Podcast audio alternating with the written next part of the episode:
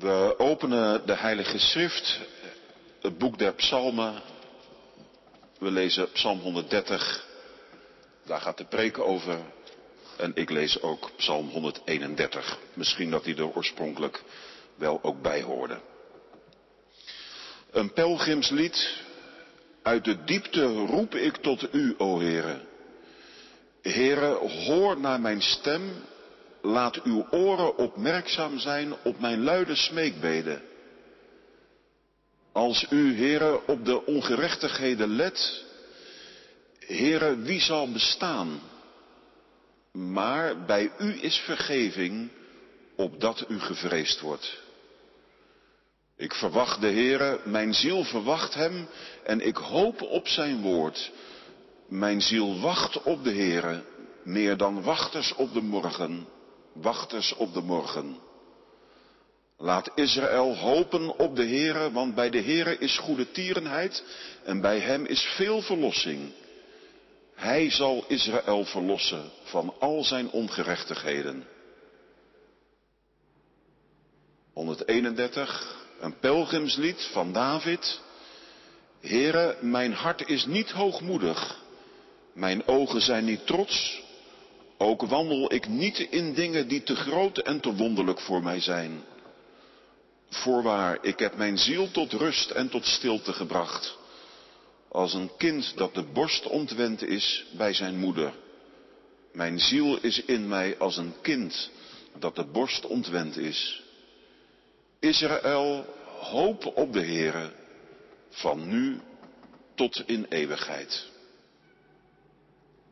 Gemeente van onze Heer Jezus Christus. Misschien kent u dat schilderij van Munch, De Schreeuw. Een man kijkt je vanaf het schilderij aan.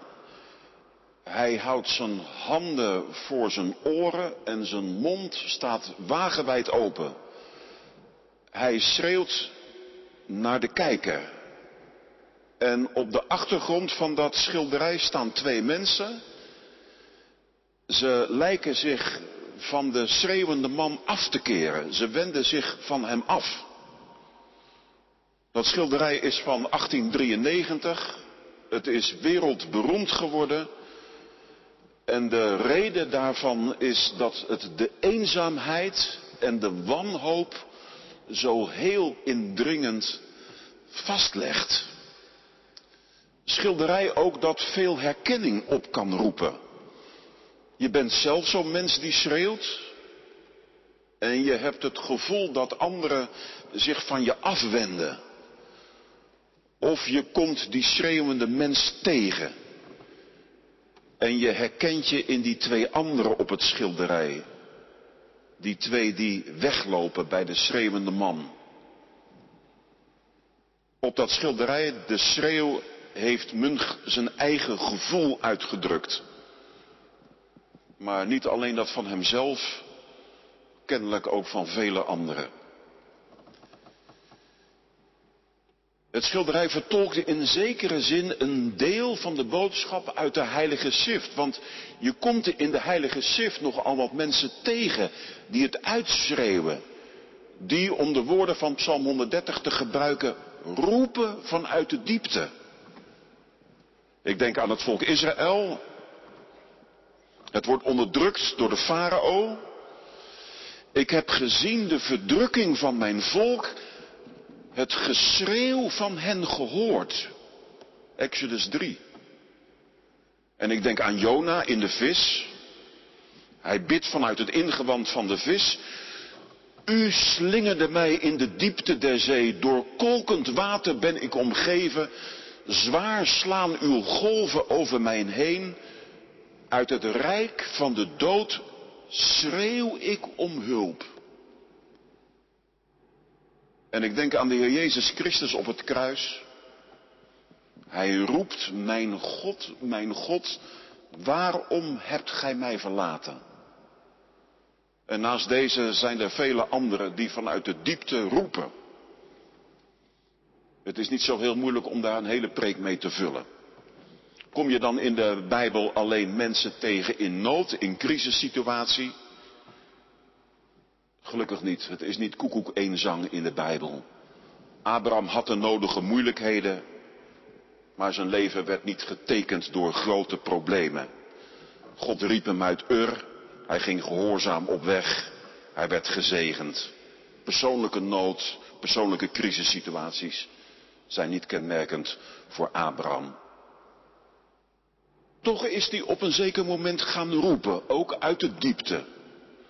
Toen God hem bekend maakte dat hij Sodom en Gomorra ging vernietigen.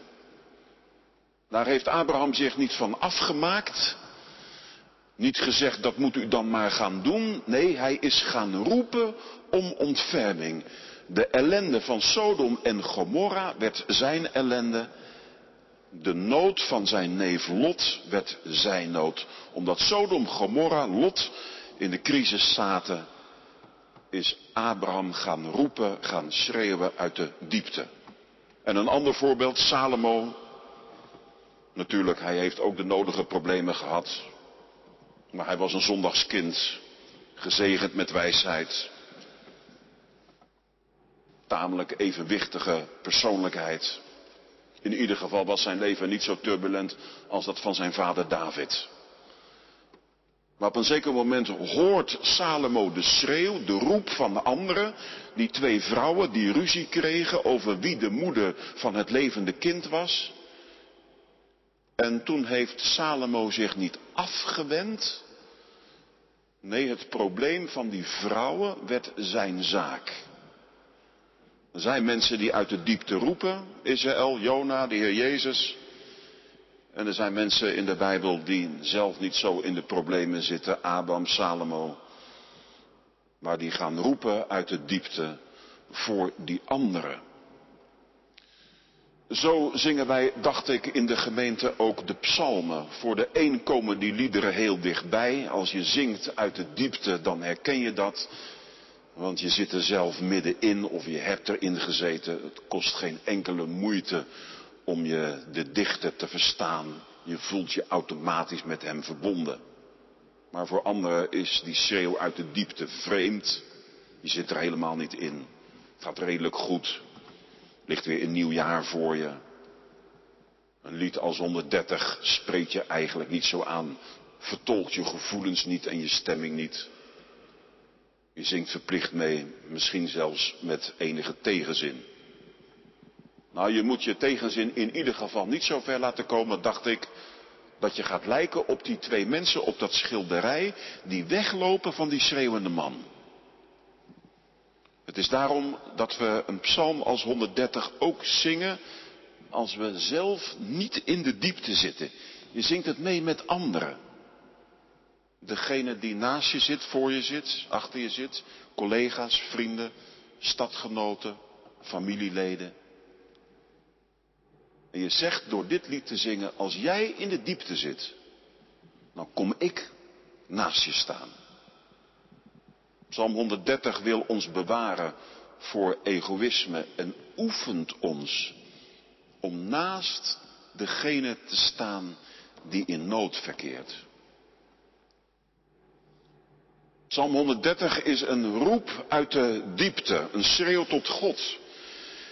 Heere, hoor mijn stem. Wees aandachtig. Luister naar mijn roep om genade. De schreeuw heeft een duidelijk adres. Dat is misschien een verschil met dat schilderij en met veel roepen van mensen in nood. Het maakt, dacht ik, nogal verschil of je zomaar voor de vuist wegroept. Of dat je de vader van Jezus, de God van Israël, aanroept vanuit de diepte. We roepen in tegenslag, in armoede, in ziekte. We kloppen aan bij andere vrienden, financiële instellingen. We verwachten wat van de politiek, van een arts, van een psychiater. En ik zeg natuurlijk niet dat ze niets voor je kunnen betekenen, maar je verwacht er vaak meer van dan ze kunnen bieden. Vest op prinsen geen betrouwen, zegt een van de andere psalmen, waar men nimmer heil bij vindt. Er is in de diepte geen beter adres dan God. In welke diepte de dichter zit, dat wordt niet verteld. Dat mag je als gemeente zelf invullen. Kunnen allerhande tegenslagen zijn, tobberijen, dingen waar je mee opstaat en waarmee je naar bed gaat. Kan een depressie zijn waarin je dreigt te verzinken. Kan ziekte zijn die je steeds meer in de greep krijgt. Kan iets van de leegte zijn. Ik heb eigenlijk nergens zin meer in. Kan eenzaamheid zijn. Er is geen mens bij wie ik mijn verhaal kan doen. Kan de angst zijn voor de dood. In het Hebreeuws wordt er een woord gebruikt dat letterlijk waterdiepte betekent. Een symbolische aanduiding voor de dood. Psalm 130 roept in de diepte tot God. Logisch, zegt u, daarom is dit lied in de Heilige Schrift opgenomen. Inderdaad, maar toch is het ook weer niet zo heel vanzelfsprekend dat mensen in de diepte tot God gaan roepen. Want die diepte, die kunnen je ook met stomheid slaan. Denkt u aan de vrienden van Job. Als ze Job in zijn ellende zien, in de diepste diepte, dan zwijgen ze zeven dagen. En dat zwijgen, dat was niet eens de slechtste reactie. Want toen ze begonnen met spreken, toen raakte Job nog verder in de diepte. Diepte kunnen zo verstikkend zijn dat je niet meer kunt roepen tot God. De jonge vrouw zei het me een keer. Ik moet het geloven en de kerkgang en alles even parkeren. Ik moet al mijn kracht bij elkaar rapen voor de medische behandeling. Ik ga het nu echt niet trekken om me ook met God bezig te houden. En of dit zijn wil is en al die andere vragen die mijn situatie met mij meebrengt. Gelukkig als er dan een gemeente is die niet wegloopt, die in de diepte bij je wil zijn. Als u, jij in de diepte zit en niet meer kunt bidden, vraag dan de voorbeden van broeders, van zusters, van de gemeente. Want de boze gebruikt de diepte niet zelden om ons te vervreemden van God. Psalm 130 verbindt de diepte met de ongerechtigheden. Uit de diepte roep ik tot u, Heer. En direct erachteraan, als gij, Heere, de ongerechtigheden in gedachten houdt. De dichter zegt niet dat hij vanwege zijn ongerechtigheden in de diepte is gekomen. Dat kan natuurlijk wel het geval zijn geweest, maar dat staat er niet. De Bijbel legt niet altijd een direct verband tussen problemen en het kwaad van de zonde. Je moet een beetje voorzichtig zijn met dat gezegde, waren er geen zonden, dan waren er geen wonden. Dat gaat lang niet altijd op. Desondanks, het treft wel dat de dichter de ongerechtigheden ter sprake brengt. Hij roept tot God en de vraag komt op, kan ik nou op God rekenen?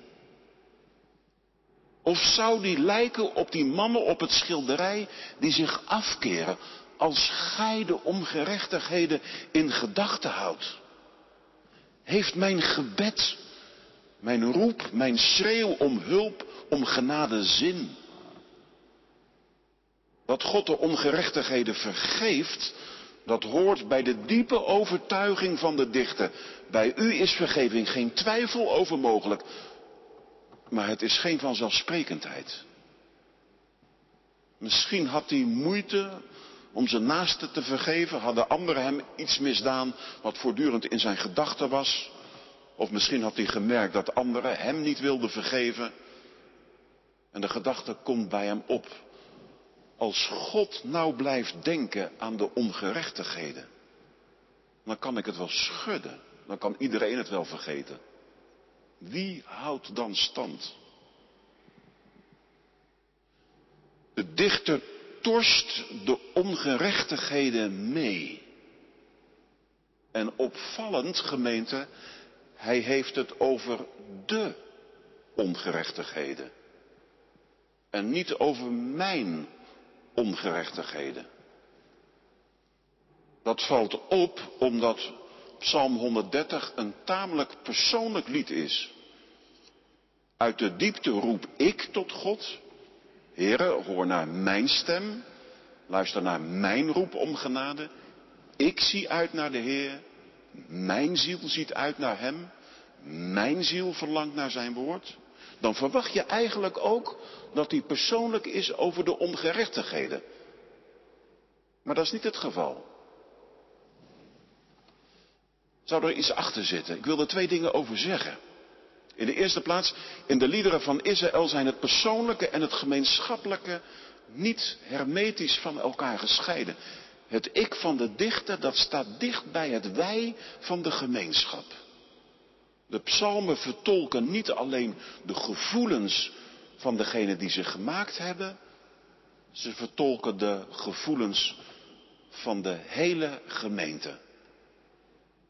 Wat dat betreft is het met de liederen in de Bijbel als met de liederen van André Hazes. Waarom worden die zo hartstochtelijk meegezongen door het publiek? Omdat de problemen van André Hazes de problemen van zijn fans zijn. Nou, zo loopt in de psalmen dat persoonlijke en dat gemeenschappelijke ook door elkaar.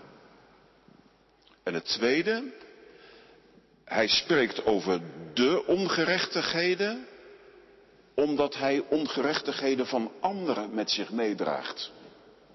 Psalm 130 is een pelgrimslied. Een lied dat Israël zong als het naar Jeruzalem trok om daar de grote feesten te vieren.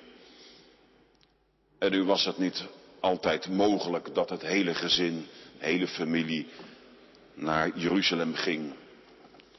Dat was gewoon te kostbaar, te duur. Kon zelfs zo zijn dat er van een heel dorp maar twee of drie mensen op bedevaart naar Jeruzalem konden. En die enkelingen gingen dan naar Jeruzalem voor zichzelf en voor de anderen. Ze vertegenwoordigden een gezin, een familie, een dorp. En daarom riepen ze als ze in de tempel waren niet alleen om vergeving voor hun persoonlijke zonden, ze baden ook voor hun familieleden, voor hun dorpsgenoten. Heere God, als gij de ongerechtigheden van ons, van onze kinderen, van ons dorp, van onze politici in gedachten houdt, wij kunnen voor u niet bestaan. De dichter vertegenwoordigt zijn volksgenoten. Hij lijkt daarin, gemeente, op de Heer Jezus Christus. Jezus die richting Jeruzalem is getrokken en die de ongerechtigheden op zich heeft genomen en heeft weggedragen op het kruis van Golgotha. Dichter van 130 is type van Christus in dat vertegenwoordigende. En hij staat, dacht ik, met dat meedragen van ongerechtigheden ook voor de kerk. Als wij naar de kerk komen, dan nemen we onze persoonlijke ongerechtigheden mee, maar toch ook die van anderen. Van onze kinderen misschien, die er niet meer aan doen van onze collega's, van onze stadsgenoten, van onze samenleving, van onze wereld. Vergeef ons onze schulden, bidden we in, we in het Onze Vader. En niet vergeef mij mijn zonde. Uit de diepte roep ik tot u. Maar bij u is vergeving. Dat is de jubel grondbesef, grondovertuiging van de dichter. Er is vergeving in de diepte, in de ongerechtigheden van onszelf, van de wereld. Is dat de hoop? Je kunt ergens heen. Je schreeuwt tot iemand die hoort. Tot God die de ongerechtigheden uit zijn gedachten brandt. Brengt dat je direct in de hoogte niet helemaal, maar er komt wel een andere houding.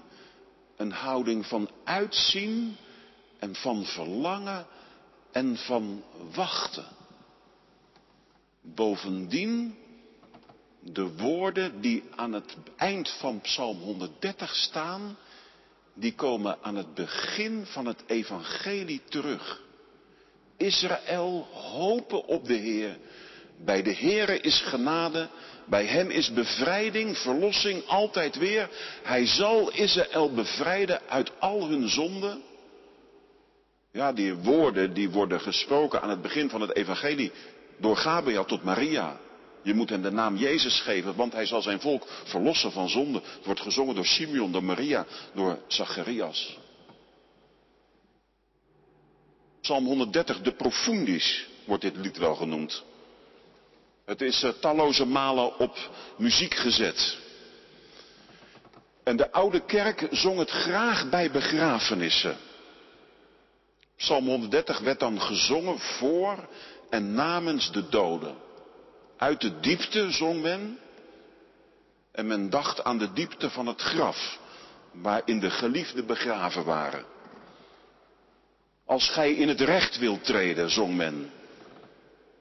En men dacht hoe de overledene voor de rechterstoel van God verantwoording moest afleggen van het leven.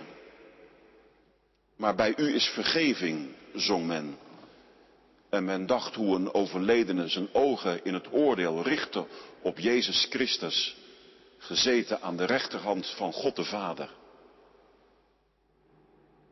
De kerk van de Reformatiegemeente heeft Psalm 130 zo niet willen gebruiken. De kerk van de Reformatie heeft dit lied een plek gegeven in de eredienst. De reden daarvoor was, iedere eredienst is een voorbereiding op het eindoordeel. De kerkdienst is een oefenplek van wat eens plaats zal vinden.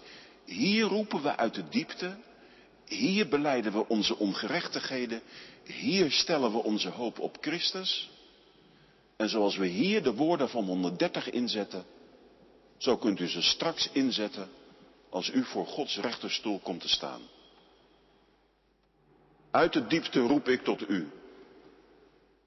En wij mogen in deze tijd ook weer gaan vieren hoe Christus in onze diepte is gekomen.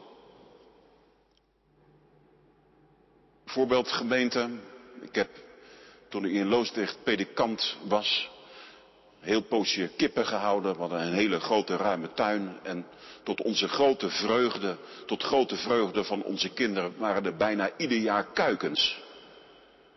En toen die kuikens een maand oud waren ongeveer, ging die moederkip voor het eerst weer op stok. Vier, vijf weken had ze iedere nacht met die jongen onder haar vleugels in het nachthok geslapen. En na vier, vijf weken vond ze dat genoeg en ging ze bij het schemeren op stok. Maar die kuikens, die konden niet op die stok komen. En onder, in dat hok begonnen ze enorm te piepen. Ze probeerden om bij hun moeder te komen, maar dat lukte niet, want die vleugels waren nog niet goed genoeg ontwikkeld. Het enige wat ze onvoorstelbaar goed konden, dat was een heleboel kabaal maken en heel lang piepen. Ze riepen vanuit de laagte naar hun moeder die op stok zat. En lang, heel lang liet die moederkip die kuikens piepen. Ik vond het persoonlijk schandalig, lang, maar uiteindelijk kwam ze naar beneden. Nam ze die jongen onder haar vleugels en dan deed de rust en de stilte zijn intreden. Dat is gemeente wat het roepen uit de diepte uitwerkt. God komt op ons roepen naar beneden. In zijn zoon Christus is hij tot ons gekomen. Het zal stil en veilig worden. Zoals de psalm die op 130 volgt zingt. Ik ben stil geworden. Ik heb mijn ziel tot rust gebracht. Als een kind op de arm van zijn moeder. Als een kind is mijn ziel in mij. Amen.